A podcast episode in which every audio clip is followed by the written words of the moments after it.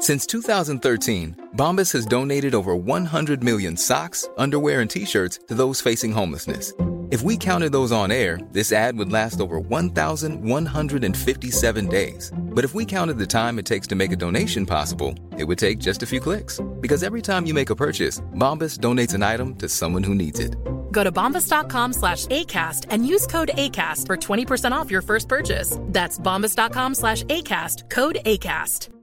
A lot can happen in the next three years. Like a chatbot may be your new best friend. But what won't change? Needing health insurance. United Healthcare Tri Term Medical Plans are available for these changing times.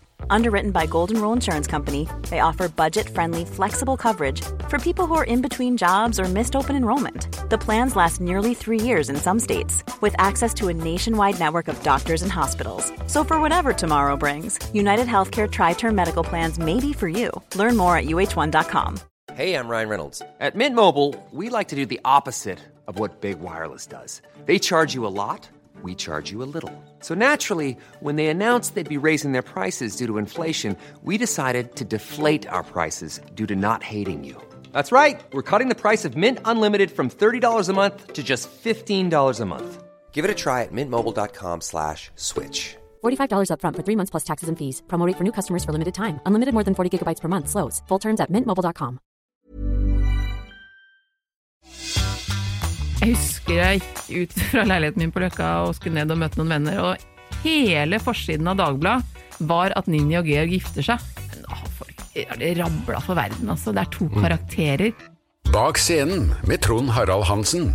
Velkommen til Bak scenen. Jeg heter Trond Harald Hansen, og i denne podkastserien får du bli med i kulissene på norsk showbiz-bransje når jeg snakker med kjente artister, skuespillere, programledere og produsenter.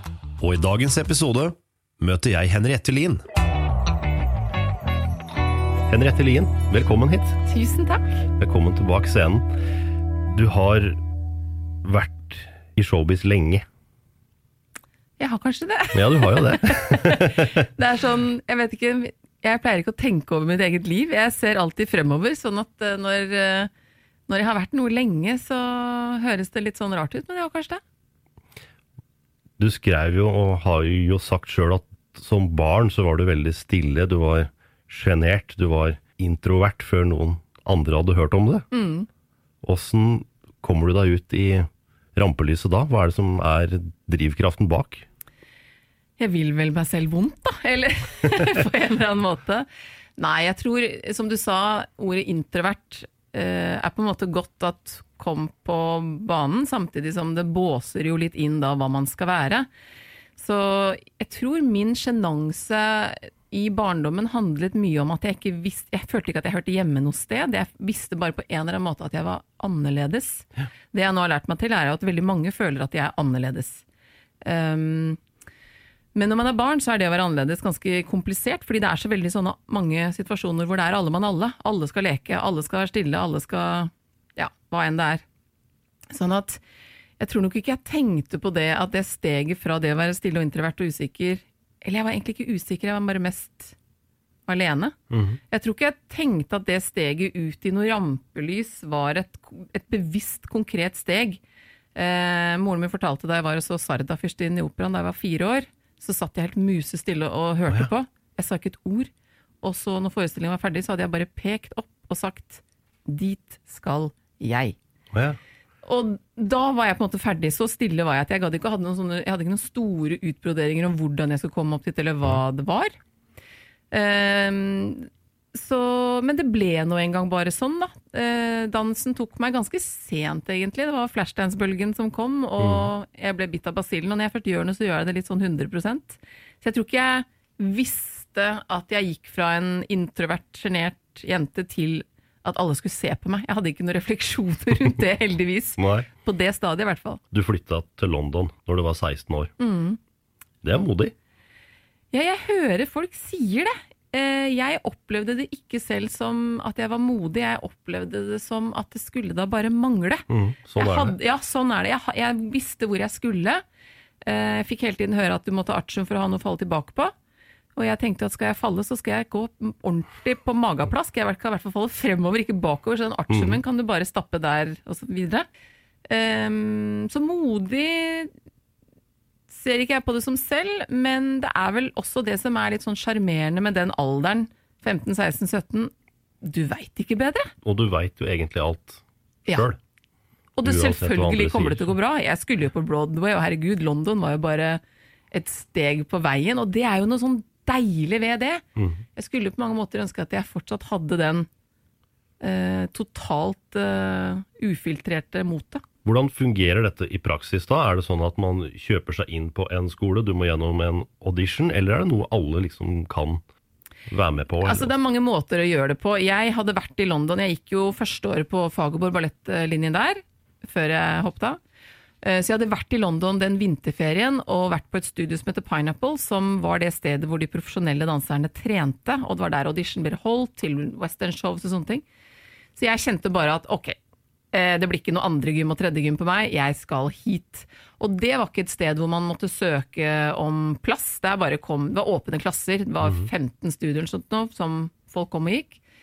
Eh, jeg dro hjem og krangla noe helt forferdelig med foreldrene mine, selvfølgelig, for de ville jo ikke dette her. Skjønte vel på et eller annet stadie at dette kommer jeg til å gjøre uansett, så det var bedre å spille på lag med meg enn at jeg bare plutselig ikke var der en morgen, for det var jeg fullt kapabel til å gjøre. Um, så jeg dro over dit med den avtalen eh, med foreldrene mine at jeg skulle jobbe som en slags sånn halvt au pair. Oh, ja. Og den tiden jeg ikke jobbet som au pair, så skulle jeg da få trene. Uh, Men det viser seg at det er jo ingen som vil ha halvt au pair. De vil jo gjerne ha en au pair på 500% stilling. Mm. Så det ble aldri noe au pair på meg. Eh, Det ble heller at jeg flytta inn i en leilighet med en jente jeg ble kjent med der borte, og trente på dette studioet da hele tiden. Dro på audition, fikk jobber, eh, men problemet var jo at dette var jo før EØS, så jeg hadde jo ikke arbeidstillatelse. Um, og det eh, skulle da være ett år, og så skulle jeg tilbake og touche. Men så ble jeg jo ett år til, da, og da gikk jeg på en såkalt fame-skole. For jeg tenkte nå får jeg putte meg selv litt inn i system.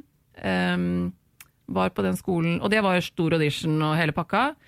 Men jeg var der i to terminer før jeg fant ut at dette her er bullshit. Her måtte vi søke om tillatelse til å gå på audition. og altså, det, Vi mer liksom voktet så voldsomt, og jeg var vant til å leve livets glade dager. Så da hoppet jeg av der, og har danser, eller begynt å jobbe som danser fra da. Hvordan er det å komme tilbake hit da? Er det enkelt å få seg engasjement, eller må du jobbe hardt for å få det til? Det som var utfordringen min når jeg kom inn, var jo at jeg kjente ingen i bransjen her hjemme. Eh, hvis du tar utdannelsen her hjemme ved å gå på da, Statens balletthøgskole eller KIO, så blir du jo kjent med de andre danserne, med pedagogene, med koreografene og sånne ting. Eh, jeg kom hjem og kjente ingen. Eh, visste ikke hvordan systemet fungerte. Så det var litt sånn traurig. Eh, og jeg var mye yngre, fordi jeg hadde jo spart noen år da, ved å hoppe av og gjøre det liksom på min egen måte. Så jeg var yngre enn alle sammen. Eh, så jeg, og det viste seg å være flaks, fordi etter noen måneder så fikk jeg jobb i Einar Skankes jubileumsrevy på Chat Noir. Og da hadde jeg på en måte hoppet mellom to generasjoner. For det er jo sånn at er du inn i en generasjon, så får de som regel alle jobbene til de blir pensjonister, og så kan liksom neste pulje komme. Mens da sneik jeg litt sånn i køen, så jeg endte jo opp med å jobbe da med folk som var eldre enn meg, som spiller jo ingen rolle. Men timingen var da bra. Så, så det krevde litt jobbing. Jeg jobbet litt som koreograf og litt som pedagog, inntil jeg liksom begynte å jobbe med musikaler og sånn selv. Eh, Men sånn er det jo. Altså, Vi må alle jobbe for å komme inn i den nisjen vi vil i. Men det første du gjorde her hjemme, da, det var Einar Skankes jubileumsrevy, det da. Ja, i hvert fall av sånne store etablerte jobber, eh, så var det det. Med Arve Oppsal og Øyvind Blunk. Ja, det var hele den gode gamle kremen. Så det, jeg sklei jo liksom rett inn i Revy-Norges eh, crème de la crème. Eh, veldig gøy, lærerikt å se Altså Det var jo mer revy bak scenen enn foran scenen. Hvordan eh, Arve Oppsal og Harald Heidesteen jr. hadde battling omtrent i Ja. Hvem er Um. mest underholdende, liksom? Ja, og, de, og det å se hvordan disse gutta De, de klarer jo ikke å skru av. Nei. Altså En ting er hva de går ut og leverer av det planlagte foran publikummet, publikummet, men når de kommer bak, så ha, de har jo ikke det, eller hadde ikke det i seg å kunne skru på av-knappen. Eh, og det var jo kjempegøy, og utrolig slitsomt til tider, for de forventet jo da selvfølgelig applaus og latter hele tiden. Så, Men jeg føler jo at jeg fikk være med på en sånn siste snurt av eh, den formen for revy, da. Ikke sant, Dag Frøland, Skanke, som ikke er mer. Det er helt slutt. Det er helt slutt. Sånn at um, Og jeg fikk Jeg var hjemme den sommeren mellom de to årene jeg var i London, og da var jeg på en Dag Frøland revy, og audition, og den jobben fikk jeg. Og da valgte jeg å dra tilbake til London istedenfor. Uh, så det at jeg fikk eh, skankejobben, var liksom Yes, da fikk jeg oppleve dette med sju forestillinger i uka, måned etter måned etter måned, og ingen skrev om teksten. Det var ikke internett som gjorde at liksom nyheten som var morsom i august, fortsatt gjaldt i februar. Så det er, eh, jeg er takknemlig for å ha fått det med meg. Det er jo en unik del av liksom underholdningsindustrien, da, for at det skjer jo aldri mer at et show har premiere i september og fortsatt spilles i mai året etter. Det er i hvert fall ikke som samme forestilling. Da har jo man jo måttet oppdatere, og den, den føles jo som eldgammel, rett Mm. og slett. Sånn at uh, det er mye jeg er glad for å ha fått med meg ved å være født når jeg var født. For jeg syns jo det er en del man går glipp av nå. Jeg ser med mine egne barn, når jeg begynner å fortelle, så høres det ut som jeg er 300 år gammel. Mm. Men det er liksom ikke så lenge siden. Men det er så mye som har skjedd, da, bare de siste 20 åra, liksom. Mm. Så vi er heldige som har fått med oss. Absolutt. Hvordan vil du beskrive yrket, da? Dette her eh, kan jo ikke være et, eh, et enkelt yrke, det å være danser. Det å jobbe som danser er aldri enkelt. Det er, aldri, altså det er vel et av de tøffeste, men allikevel et av de mest fantastiske yrkene som fins. Eh, nettopp fordi du Det er en så levende jobb i den grad at det skjer der og da. Eh, er du skada på audition, så har du ikke levebrød et halvt år etterpå. Har du en god dag, har du en dårlig dag. Det er liksom så veldig nerve i alt man gjør. Um, så jeg, jeg var eh, Jeg vil ikke si heldig, for det høres ut som jeg ikke har jobba for det. Jeg jobba beinhardt for det, men jeg var heldig i den grad som sagt at jeg kom inn i eh, den generasjonen jeg gjorde, fordi da var det mye musikaler. Um, og det var litt sånn at de som hadde jobb i én musikal, eh, ikke automatisk fikk jobb i neste, men man var liksom en gjeng som gitt liksom, Vi måtte jo på audition som alle andre, for all del. Men da får du en selvtillit da, på at man funker. Ikke sant? Er du i produksjon og gjør forestillinger og har kolleger i miljøet, og går på en ny audition med det i kroppen, så stiller du deg foran da, og kicker ass, rett og slett. Mens hvis du er arbeidsledig og det går litt traurig, så stiller du deg bakerst. Og på den måten så utstråler du jo da enten selvtillit eller manglende selvtillit. Så, um, så jeg fikk jobbe mye. Det ble både musikaler og TV-show. Eh, og da kjente jeg jo på den, den London-viben jeg hadde med meg, det å skape selv. Vi sydde jo kostymer, vi lagde vår egen koreografi, vi eh, miksa musikk. Vi holdt jo på hele døgnet rundt. Eh, og det er jo gøy. Det er jo kjempegøy, og det er jo heller ikke noe sånt som skjer lenger nå. Nå er ting så i system at den fleksibiliteten til å si nei, men kan ikke vi selge oss inn til et eller annet TV-show, da? Altså, den er liksom borte. Veldig ofte så er ikke dette noen ni til fire-jobb. Heldigvis ikke. da hadde i hvert fall ikke jeg valgt den jobben. Nei. Ni til fire er drepen, spør du meg. Det er en livsstil mer enn en arbeidsplass, egentlig. Fordi man står opp om morgenen, første du gjør er å kjenne om kroppen henger sammen, og om skaden ikke har blitt verre siden forestillingen i går. Eh, og det er å trene, det er å ta sangtimer, det er å kanskje lese med en skuespiller hvis du har lyst til å jobbe med musikaler for å kunne levere en replikk. Um, du vet at du er på jobb når alle andre er hjemme med familien sin, så det å være sammen med kolleger blir jo som en, en extended family, rett og slett. Så og man jobber jo i helgene når folk er på ferie. Altså, man lever hele sin egen rytme. Eh, men det ligger en sånn stolthet i det, fordi hvis du klarer det, så vet du at du er en av ganske få som klarer det. Og den stoltheten gjennomsyrer liksom litt av stemningen når man både er på jobb, eh, men også i det sosiale. Så absolutt ikke noe 9-4-jobb. Det er egentlig en sånn 24-timersjobb. Men jeg elsket det fra begynnelse til slutt. Hvordan er det å se seg tilbake igjen da på den lille, sjenerte jenta som egentlig ikke ville at noen skulle se på, til eh, å nå stå på scenen, eller da da, stå på scenen, og alle ser på en? Som danser var det ganske uproblematisk. Eh, fordi jeg uttrykte meg kun gjennom fysiske bevegelser eller sang som ikke hadde noe med meg å gjøre. Um, så he hele den epoken hvor jeg bare på en måte jobbet som danser, så var det ganske uproblematisk. Jeg var fortsatt sjenert privat, og, og jeg er fortsatt en sjenert person. Jeg har bare lært å håndtere det. Men idet jeg begynte å jobbe som skuespiller, eh, da skjedde det et skifte der. Fordi dansere får av en eller annen grunn lov til å liksom bare gå ut sceneinngangen, og så er du ferdig. Du er anonym, du, det er ingen som vet hvem du er. Folk driter litt hvem du er, egentlig. Hvem du er? Ja. Mens idet du blir skuespiller, så er det en sånn nysgjerrighet på deg som menneske. Og den var jeg ikke sånn superflink til å håndtere. Den kom litt sånn midt i fleisen på meg, egentlig. Um, jeg, hadde en, jeg hadde en kvelden hjemme, husker jeg, før første episode av Hotell Cæsar ble vist på TV. Så satt jeg hjemme. For jeg hadde jo, jeg hadde jo en ballast med meg ved at jeg hadde vært i eh, miljøet i 15 år. Jeg hadde sett hvordan disse profesjonelle skuespillerne håndterte det. Så jeg hadde liksom sett det litt på avstand hvordan det funka selv. Så jeg har satt litt sånn og diskuterte med meg selv. Ok, hvis det blir sånn, hva gjør du da? Hvis det blir sånn, hva gjør du da? Sånn at jeg hadde forberedt meg på alle mulige potensielle scenarioer. Men man er ikke forberedt. Uansett. Det er umulig å bli forberedt på det. Og dette blei jo såpass stort som kanskje ingen hadde forestilt seg at det skulle bli. Ja, det, det, det var noe som skjedde i Norge da, rett og slett. Når det var noe som gikk på TV hver eneste dag. Um, som fikk så høye seertall. Uh, jeg husker jeg gikk ut fra leiligheten min på Løkka og skulle ned og møte noen venner, og hele forsiden av Dagbladet var at Ninni og Georg gifter seg. jeg, men å, folk har det rabla for verden, altså. Det er to karakterer. Hele forsiden. Så det er klart at da er det jo vanskelig å skille hva som er hva for folk. Hvem er Henriette, hvem er Ninni? Det er klart det. Eh, og det, blir, det ble jo en sånn smørje for folk, rett og slett. Men du er jo i, i stua til folk hver eneste dag. Ja. En halvtime hver eneste dag. Det er klart at noen lar seg vel påvirke, da. ja, og ikke bare privatfolk. For jeg husker jeg var på 100-års- 100-årsjubileum til Riksteatret, tror jeg det var, i Gamle Losjen. Og der var det jo bare bransjefolk. Eh, og da husker jeg, jeg husker ikke hvem det var som kom bort til meg, men en eller annen etablert skuespiller som kom bort og spurte men hvor er Toralf i kveld, da? Å ja, ser du det? Nei, det må du nesten spørre Beate, som er da kjæresten hans. Det vet jeg ikke. Så ja, jo, i de settingene også, så ble det en sånn Det ble bare veldig rart, rett og slett. Og det, heldigvis så var det jo før sosiale medier, sånn at eh, det var jo mobiltelefoner som jeg ble jo tatt bilde av uten at jeg nødvendigvis ønsket det, og hvisket og tisket sånn, men, men det var i hvert fall ikke sosiale medier, da. Så Nei. jeg slapp unna den.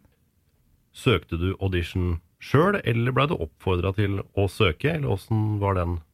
Jeg var på turné, jeg var på turné med Riksteatret. Vi spilte Robin Hood. Um, da var jeg danser og alt mulig potet, egentlig.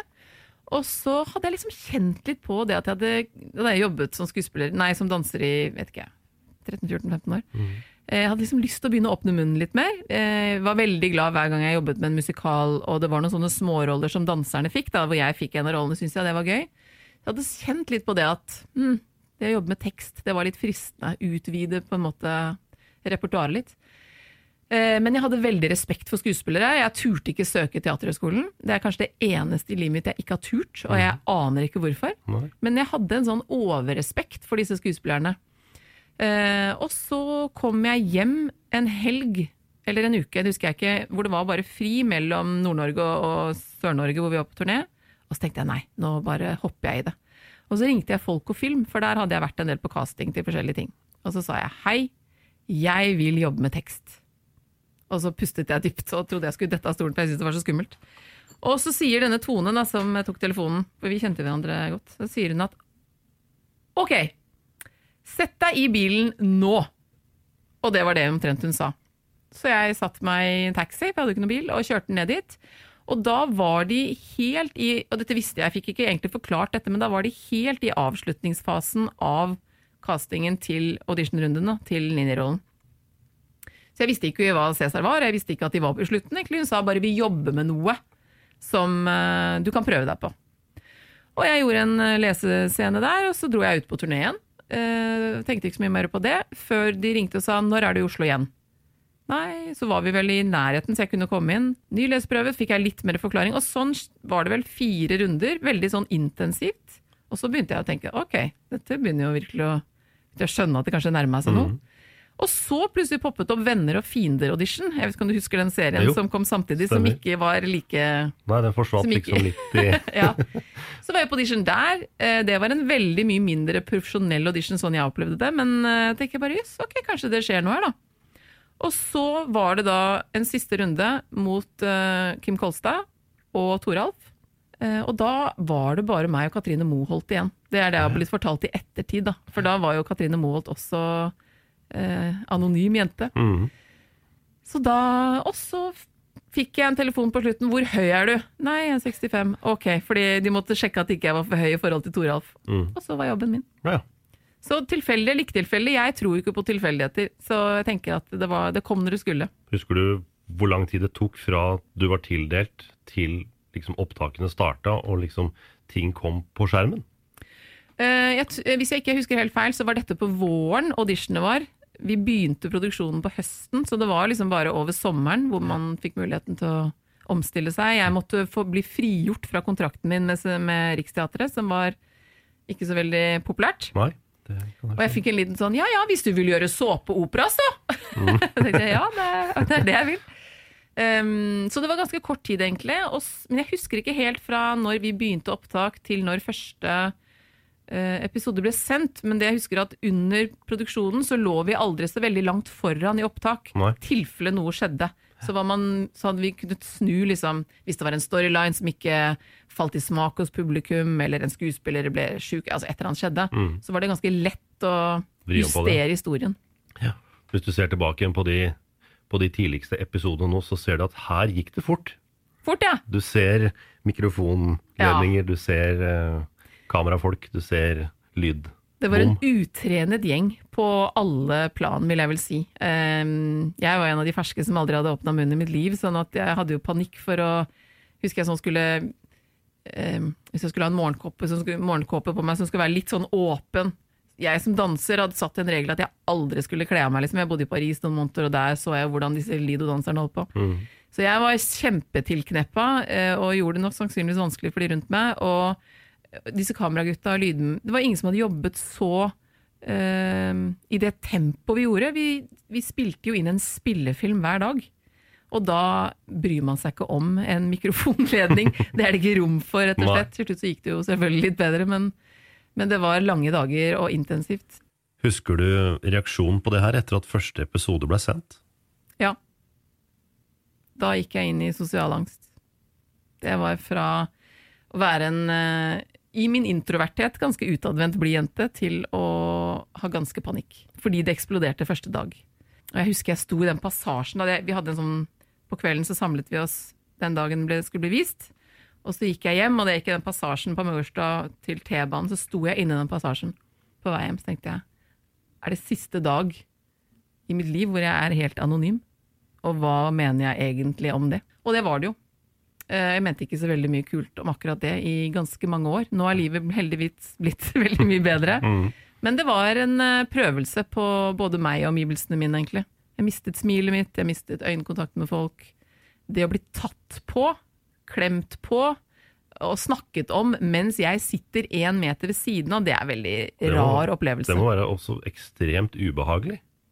Ja, for å si det mildt. Og så venter jeg meg til sånne setninger. Hvis det var eh, Fordi folk hvisket jo. Noen hvisket ikke, de tenkte ikke at jeg var der. Jeg trodde det var en TV-skjerm. Men hvis jeg hørte ordet s, to s-er, så visste jeg det var Cæsar. Og setningen var 'Der er Cæsar'. Akkurat som jeg var Cæsar. Så det var ubehagelig. Um, surrealistisk.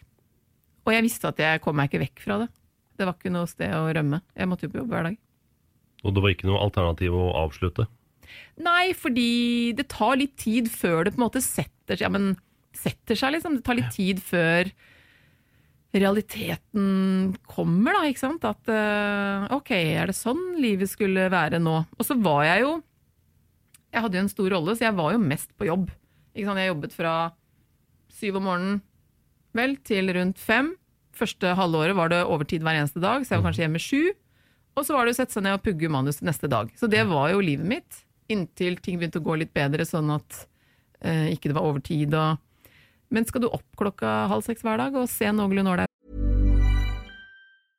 Hey, I'm Ryan Reynolds. At Mint Mobile, we like to do the opposite of what Big Wireless does. They charge you a lot, we charge you a little. So naturally, when they announced they'd be raising their prices due to inflation, we decided to deflate our prices due to not hating you. That's right. We're cutting the price of Mint Unlimited from $30 a month to just $15 a month. Give it a try at mintmobile.com slash switch. $45 upfront for three months plus taxes and fees. Promo rate for new customers for limited time. Unlimited more than 40 gigabytes per month. Slows. Full terms at mintmobile.com.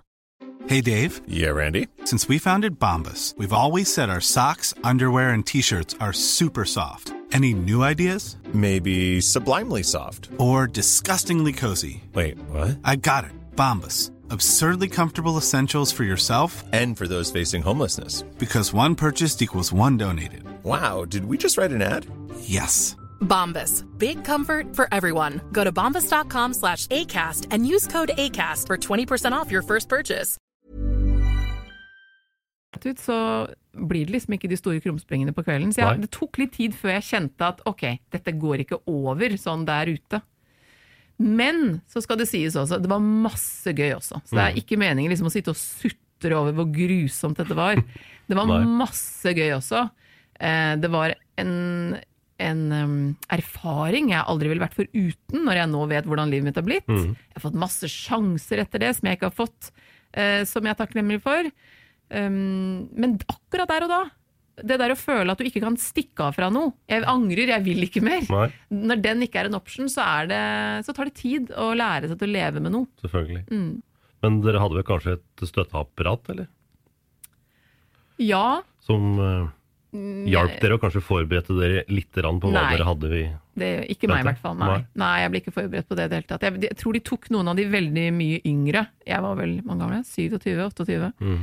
Så det var jo noen av disse rollene som var rundt 20-21, de passet de nok litt bedre på, men de fikk jo ikke det trøkket i samme grad, samtidig som eh, på et eller annet stadie så fikk vi jo ikke lese vår egen mail. Jeg husker jeg fikk noen brev hvor jeg skulle parteres og voldtas, og altså det var liksom ikke grenser for hva som skulle gjøres med en. Um, så der gikk de inn og beskyttet oss ganske mye etter hvert, hva vi fikk lov til å lese. For dette var jo også starten på nettroll og netthets og sånne ting. Helt uh, ufiltrert. Men jeg er ikke så skvetten av meg, da, så jeg tok det ikke inn. Det gikk greit. Ja. Du forsvinner ut igjen tidlig 2000-tall. Mm. Uh, men samtidig som det her, så holder du vel også på på Chat Noir, Ja. Damenes aften, med gutta Ja. på slep. Mm. Dette må jo ha vært ekstremt mye jobb. Eh, Det kan du trygt si. og samtidig hadde jeg akkurat blitt mor. Sånn at eh, det var galskap. Det var helt galskap. Men jeg elsker jo jobben min altså så høyt. Jeg elsker jo barnet mitt også, for all del. Jeg visste bare ikke helt hva det vil si å være mor. Nei. Um, men da Tom Sterre ringte og spurte om jeg ville ta over for Mia, for Mia, eller Mia Gundersen, fordi hun skulle gjøre noe film, um, så kan jeg ikke si nei. Selvfølgelig. Jeg vil jo tilbake. Jeg har jo spilt revy, men forrige gang jeg gjorde revy, så var jeg danser. Nå fikk jeg muligheten til å spille revy som skuespiller, så selvfølgelig. Men det var, um, det var relativt uh, idiotisk gjort, egentlig, fordi jeg var jo bare på vei et eller annet sted hele tiden. Så Cæsar fra hva da, syv om morgenen til fem, og så satte jeg meg i en bil, og ja, nei, det var helt kaos, egentlig.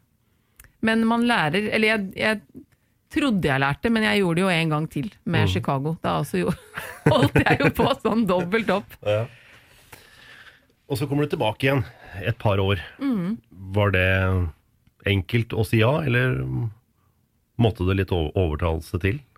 Det var enkelt å si ja, eh, men jeg angret første dagen på jobb. At jeg hadde sagt Såpass? ja. Mm. Da hadde jeg vært eh, hjemme med sønnen min og tenkte ja, men det er grei måte å komme tilbake til jobb på. Det er på dagtid, han er i barnehagen. For jeg hadde vært hjemme med han eh, et år, så eller halvannet. Så det liksom er synk med hvordan et barn lever. Sånn i hvert fall så jeg på det. Men det jeg merket idet jeg kom inn der første dag, er at dette er jeg egentlig ferdig med. Det er en grunn til at jeg sluttet. Og da mm, må man jo stå ut løpet, da. Jeg hadde sagt ja, da må jeg sørge for å gjøre en bra jobb. Men det var en eh, det var en prøvelse i profesjonalitet fra min side, fordi jeg egentlig ikke ville være der. Og så måtte jeg levere bra. For jeg har yrkesstolthet, og jeg har høye krav til meg selv. Så, så da fikk jeg testet ut en annen side av meg selv. Er det sånn at man har en avtale på ett år eller to år, eller Ja, det var forskjellig. Så den første gangen vi signerte, så hadde alle ett år. Ninni-rollen som jeg spilte, hadde halvannet år, fordi så mye av historien sentrerte rundt henne.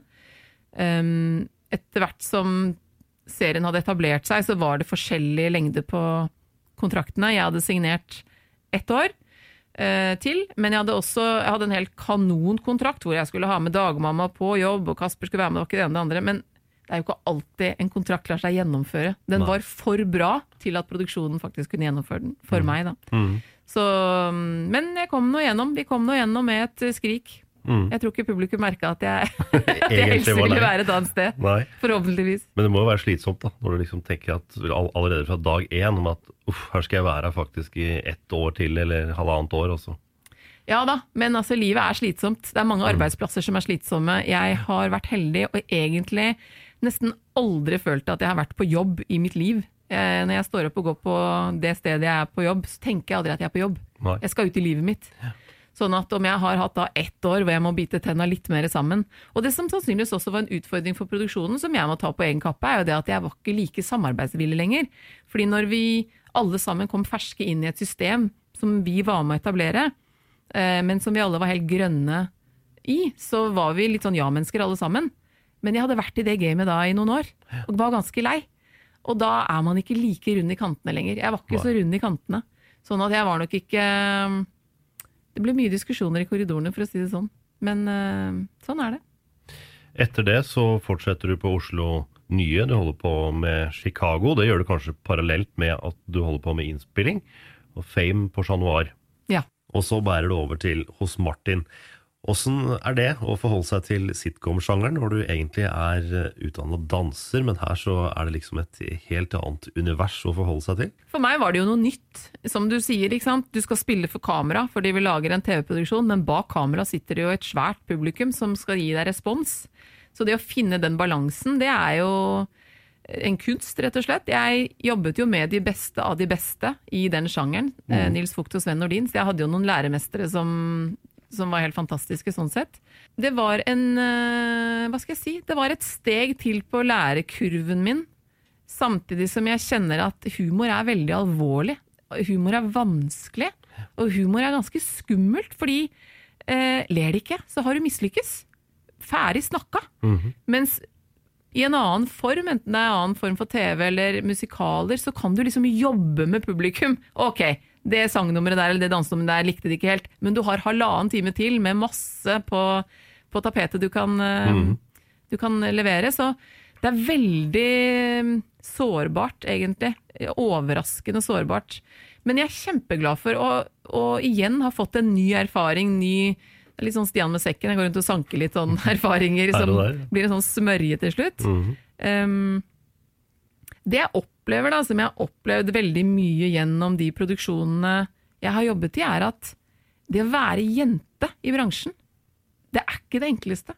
Det er mange gutter som vil snakke høyt, uten at eh, navn skal nevnes, eller, og det er ikke poenget her heller, men det å være jente og ikke skulle bli eh, litt sånn stereotyp i rollen, at du skal være babe, eller du skal være den som gutta kan punche på, eller du skal være den som bygger gutta opp, eller Det er utfordrende, mm. fordi det er der veldig mange av jenterollene dessverre ligger. Og gutta sitter som sjefer, som produsenter, som regissører, som manusforfattere, ikke minst. Um, og etter hvert som jeg har blitt eldre, så har jeg ikke giddet. Nei. På et eller annet stadie så sier du at jeg gidder ikke å få deg morsom lenger. Så det var vel litt sånn første smakebit på det. Så jeg tok det som en erfaring, og så sa jeg opp. Og det er vel det som jeg kan se har vært min tråd også. Jeg går inn, tar litt erfaring, som med Cæsar, så sier jeg opp. Hos Martin, tar litt erfaring, og så sier jeg opp. Og det er jo det jeg har fått kjempereaksjon for. Du kan ikke si opp sånne jobber. Jo, men hvis ikke jeg har noe mer å bidra med eller lære, så er det ikke noe sted å være. Da blir det en fast jobb, og det er jeg ikke interessert i. Det, det blei jo totalt 39 episoder. Du var med i 26, da. Ok. Sesong 1 Du vet mer enn meg. Ja, ja. Var produksjonstida også her kort, eller hadde dere litt tid? Det er mye man har glemt, altså. Men øhm, vi jobb... Altså, vi Det var nok en produksjon som bar liksom preg av noen hull. I forhold til uh, ting som ikke jeg nødvendigvis har all kunnskapen om, men i forhold til manusforfattere og hva som skulle bli levert og hva som ikke ble levert. Så vi måtte sitte og jobbe ut en del manus selv. Mm. Um, og, så vi satt med manus én dag og jobbet. Vi hadde én dag i studio, og så var vi på. Så det var ikke så lang Det gjør meg ingenting. Jeg kan lese en tekst én gang, og så har jeg den. Så jeg er heldig sånn sett. Jeg trenger ikke å sitte og pugge så fælt. Det er ikke noe jeg skal og, For dette er jo snakk om korttidshukommelse. det er ikke noe jeg skal huske om en uke, så det går jo rett inn, er der i akkurat 40 minutter, og så forsvinner det ut. Så hvis du hadde spurt meg dagen etter, Mm. så hadde det vært borte. Så det var en intensiv eh, Jeg husker det var en vinter, for vi var oppe i en sånn svær lagerbygning, det var så kaldt at det var på å fryse i hjel. Eh, Men det var nok eh, relativt intensivt, i hvert fall sånn jeg husker det. Etter det så går du over i en ny rolle. Du blir programleder. Ja, det gjør jeg. Gjesteprogramleder sammen, eller blant annet i Hit og dit Mm. på TV Norge. Ut og reise. Mm. Liker du det? elsker å reise. Derfor reiste jeg jo til London da jeg var 16. Mm. Fikk jo pakke ned eh, sakene mine fort nok og reise. Jeg elsker å reise. Det er noe av det, altså jeg har aldri følt meg norsk. Jeg ser ikke helt disse landegrensene som noe definisjon av hvem jeg skal være, eller hva som forventes av meg. Jeg, er en, jeg bor på jordkloden, Mm. eh, og sånn har det alltid vært. Sånn at det å reise og det å oppleve nye kulturer, eh, klima, natur, mennesker, elsker det. Så det, det, som, det som jeg elsket med å gjøre hit og dit, det var det at eh, jeg hadde gjort en sesong med dansefeber først. Det var det Eivind Landsverk jeg ringte meg og spurte om jeg hadde lyst til å gjøre det. Jeg som tidligere danser skulle da være programleder for å finne Norges beste danser. Eh, og da er det jo mye høye hæler og høyt hår og fine kjoler, og neste deltaker er ikke sant? Det, det, er ikke så, det er ikke så mye meg. Det er mye kjoler og Så det med hit og dit var at der sto jeg liksom på sykehustrappa på Svalbard med en svær lue og ingen sminke og, og skulle snakke om noe ordentlig. Mm.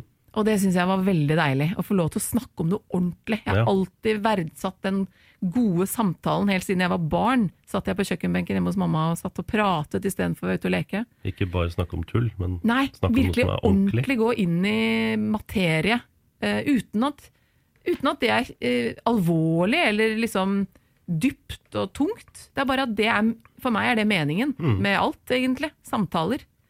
Sånn at eh, det å få lov til å stå der og se ut som et takras og fortelle om når sola kommer tilbake til Svalbard, og da traff den sykehustrappa, og hvordan Svalbard våkner til liv etter en mørk vinter. Og, så det elsket jeg. Jeg tror nesten det er ingenting jeg har likt så godt som å For da handlet det ikke om å, at jeg skulle være pen, eller at hvilken designkjole hadde jeg på meg. Jeg er ikke opptatt av det. Jeg har aldri vært opptatt av det, men ehm, det er liksom en del av bransjen, det òg, da. Mm. Røde løper og høye hæler og Media er veldig opptatt av det. Ja, noe så til de grader. Jeg kommer aldri til å glemme den gangen jeg var på rød løper, hvor en eller annen reporter spurte meg hvor mye koster kjolen din. Nå må du gå hjem og legge deg. Mm. kan ikke spørre meg om det. Hva hvis jeg sier 50 kroner? Er det feil? Da? Hva hvis jeg sier 20 000? Hva er det feil? Det er sånn, who cares? Mm. Så det der minnet fra sykehustrappa på Svalbard, det sitter i brent i meg som en sånn Åh, nå kunne jeg endelig være meg. Det var deilig. Veldig. Det er det eneste vi er gode på, det er å være oss selv. Mm. Alt annet er bare fjas. Ja, men det gjør jo da eh, So You Think You Could Dance, du gjør Dansefeber, og du gjør da Hit og Dit. Mm. Men spesielt de to dansedelene, da. Det må jo være veldig gøy å liksom gjøre det, eh, det, det som du er god på, eh, og lede det, eh, og liksom se disse unge lovende. Kjempegøy. Det var litt sånn bittersweet, det må jeg si, fordi eh, selv den dag i dag så er jeg i hjertet mitt danser. Sånn at, for det er det som var kjernen til alt som har skjedd fra den dagen jeg flyttet hjemmefra. Så det å stå på siden med en mikrofon og si neste deltaker er, mm. istedenfor å være hun som går på selv, det var litt sånn bittersweet. Um, for det er alltid vondt å se at sin tid er forbi med noe, selv om alle dansere er klar over at den tiden er veldig kort og Ja. sårbar og dyrebar. Men, um, men det var kjempegøy. Og det å være i liksom, rom igjen med bare masse dansere, det er jo helt spesielt. Mm. Den stemningen som er blant dansere. Vi klemmer hverandre mye mer, man er mye mindre redd fysisk. Du blir ikke misforstått hvis du sitter og masserer noen. Det er ingen som tror du sjekker opp noen hvis du ligger i armkroken til noen. Um, og det var egentlig litt sånn to verdener i ett, for jeg elsker å jobbe med TV, jeg elsker kamera, jeg elsker kommunikasjon med publikum, samtidig så digger jeg jo danserne. Så det var litt sånn et lite kinderegg, Mm. um, hvor jeg fikk alt på en gang. Så det var veldig gode, gode produksjoner å være med på. Etter det så har jo, eller i mellomtida her òg, så har jo, har jo vi fått en ny radiokanal, Radio Norge. Mm. Og du begynner som programleder i Morgenklubben med Loven og co. I 2009. Mm. Da har du vært innom scene, TV, og nå er du på radio. Hvordan er det mediet å forholde seg til? Veldig deilig. Eh, Jeg husker en gang jeg var Nå husker jeg ikke hva han het. Det var en av disse traverne oppe i NRK som jeg under Cæsar-tiden ble invitert til som medprogramleder. Det var en sånn jule, en sånn juleprat eller et eller annet. Jeg kom opp i NRK, og igjen så ut som et takras. Ingen som skulle se på meg. Tok på meg den hodemikrofonen, og i dette lukkede studio var en sånn egen liten mystisk verden hvor bare ved stemmen så skulle vi lage bildene i hodene til folk. Jeg husker jeg syntes det var helt fantastisk den ene gangen. Og, Radio Norge og Morgenklubben kom jo mange mange år etter. Men de, jeg husker det så godt. Jeg var hjemme sammen med datteren min, som da var et år, vel? Snaut år. Og så ringer de og spør om jeg har lyst til å komme ned og, og komme på audition. Og jeg, mitt navn hadde blitt ploppet opp fra et eller annet sted. Um, og jeg drar ned der. Og igjen så er det på slutten av en eller annen fase Jeg har vært i sånn der uh, på slutten av alle mulige faser. Yeah. Det samme skjedde hos Martin. Der også var det sånn på slutten av. Så helt på tampen så kommer jeg løpende. Um, så det igjen å være i denne lune, litt sånn beskyttede stemningen som et radiostudio er, man er i en egen liten boble, det ga veldig mersmak. Og jeg ble så glad da jeg fikk den jobben. Um, det å også skulle være et Vi var jo på jobb hver dag, fire Mm. timer live hver eneste dag.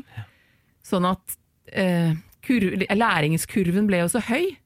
Uh, det å Dreit du deg ut en dag, så fikk du muligheten til å rette det opp neste dag. Så der i Radio Norge med Morgenklubben så føler jeg egentlig at jeg fant stemmen min.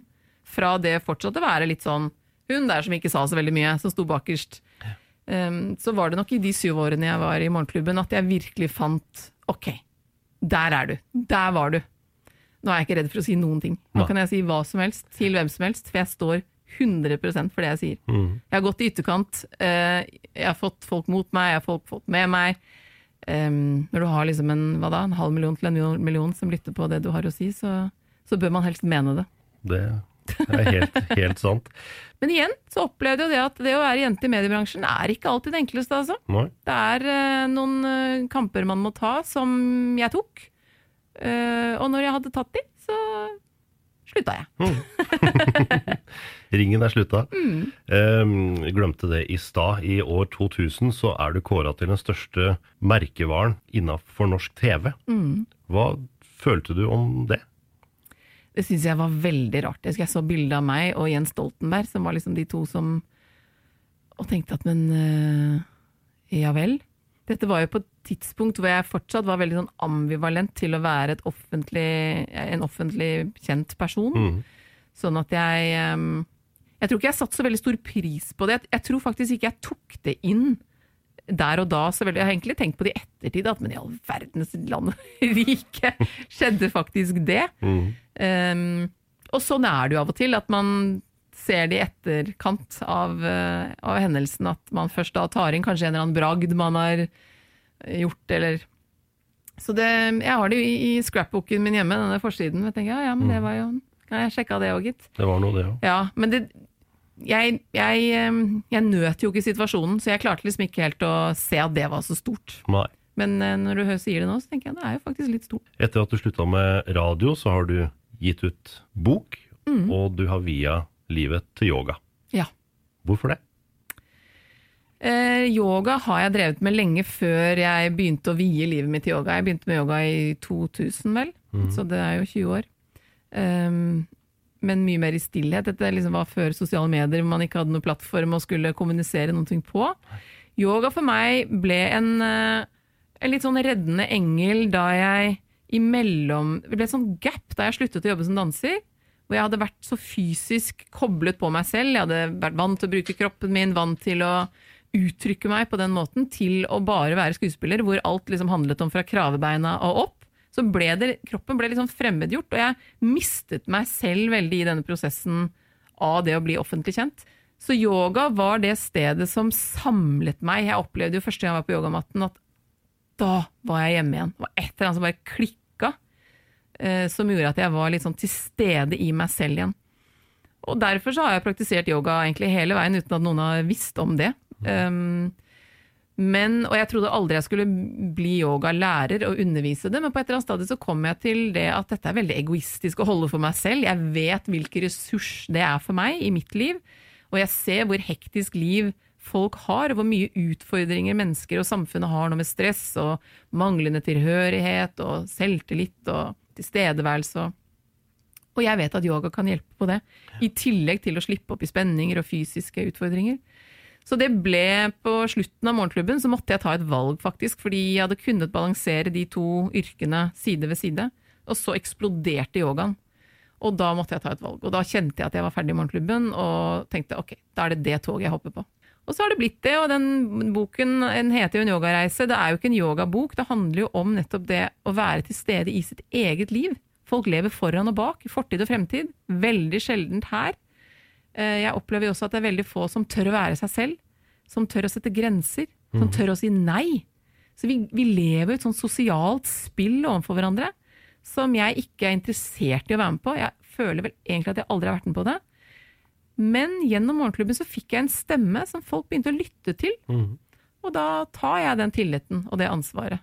Så, så yoga for meg er nå en måte å få folk på matten, og når de først er på matten, så kommuniserer jeg det jeg mener er det som trengs for å være mer på plass i eget liv, rett og slett. Mhm. Ha det bedre med seg selv. Føles det ok å være ute av eh, rampelyset? Eh, Jeg er ikke ute av noe som helst, jeg.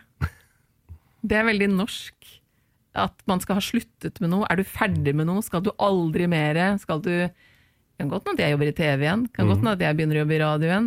Kan godt, det eneste jeg kanskje ikke gjør, er å bli danser igjen. Det tror jeg ikke jeg orker. Men alt annet enn det, så har ikke jeg lukket noen dører i det hele tatt. Jeg, nå er det veldig sånn avslappet forhold til å være i rampelyset, eller å gå på rød løper, eller å være i avis, eller hvor enn jeg er det er to hatter, jeg er meg, privat. Eh, Jeg lærte meg til at den rampelysbiten får akkurat så stor plass i mitt liv som jeg gir den.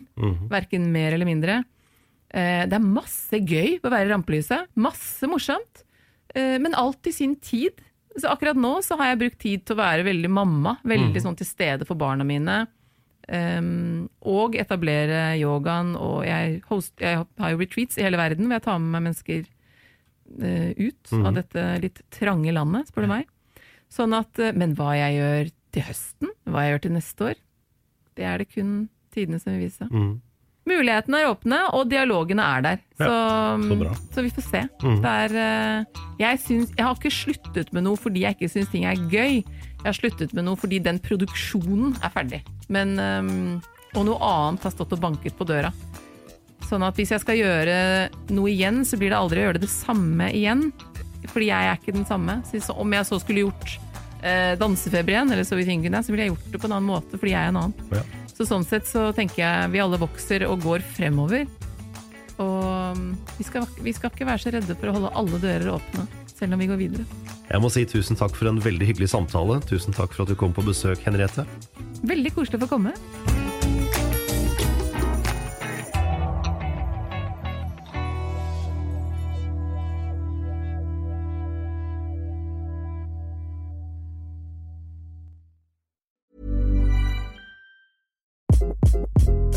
Hi, this is Craig Robinson from Ways to Win, and support for this podcast comes from Invesco QQQ. The future isn't scary, not realizing its potential, however, could be. Just like on the recruiting trail, I've seen potential come in many forms as a coach. Learn more at Invesco.com slash QQQ. Let's rethink possibility. Invesco Distributors, Inc.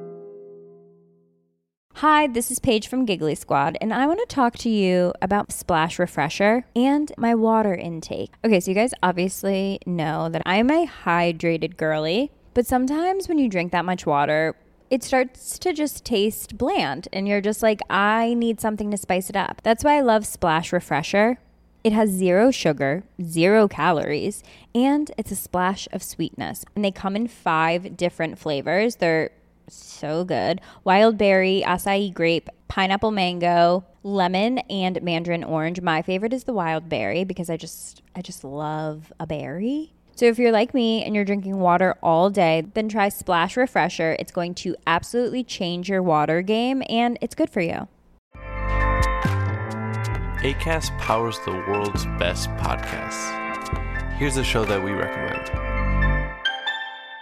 The Real Housewives is a guilty pleasure for most, but if you're looking to not feel guilty about that pleasure, tune in to Everything Iconic with me, Danny Pellegrino, where I break down all the messy moments and behind the scenes antics of Bravo's popular franchise. And on Everything Iconic, I also interview celebrity guests like Kelly Ripa, Kiki Palmer, Drew Barrymore, Cameron Diaz, and more about their guilty pleasures, their past work, and so much more. So if you're pop culture obsessed and find yourself watching way too much reality TV like me, tune in to Everything Iconic with Danny Pellegrino wherever you listen to podcasts. ACAST helps creators launch, grow, and monetize their podcasts everywhere. ACAST.com.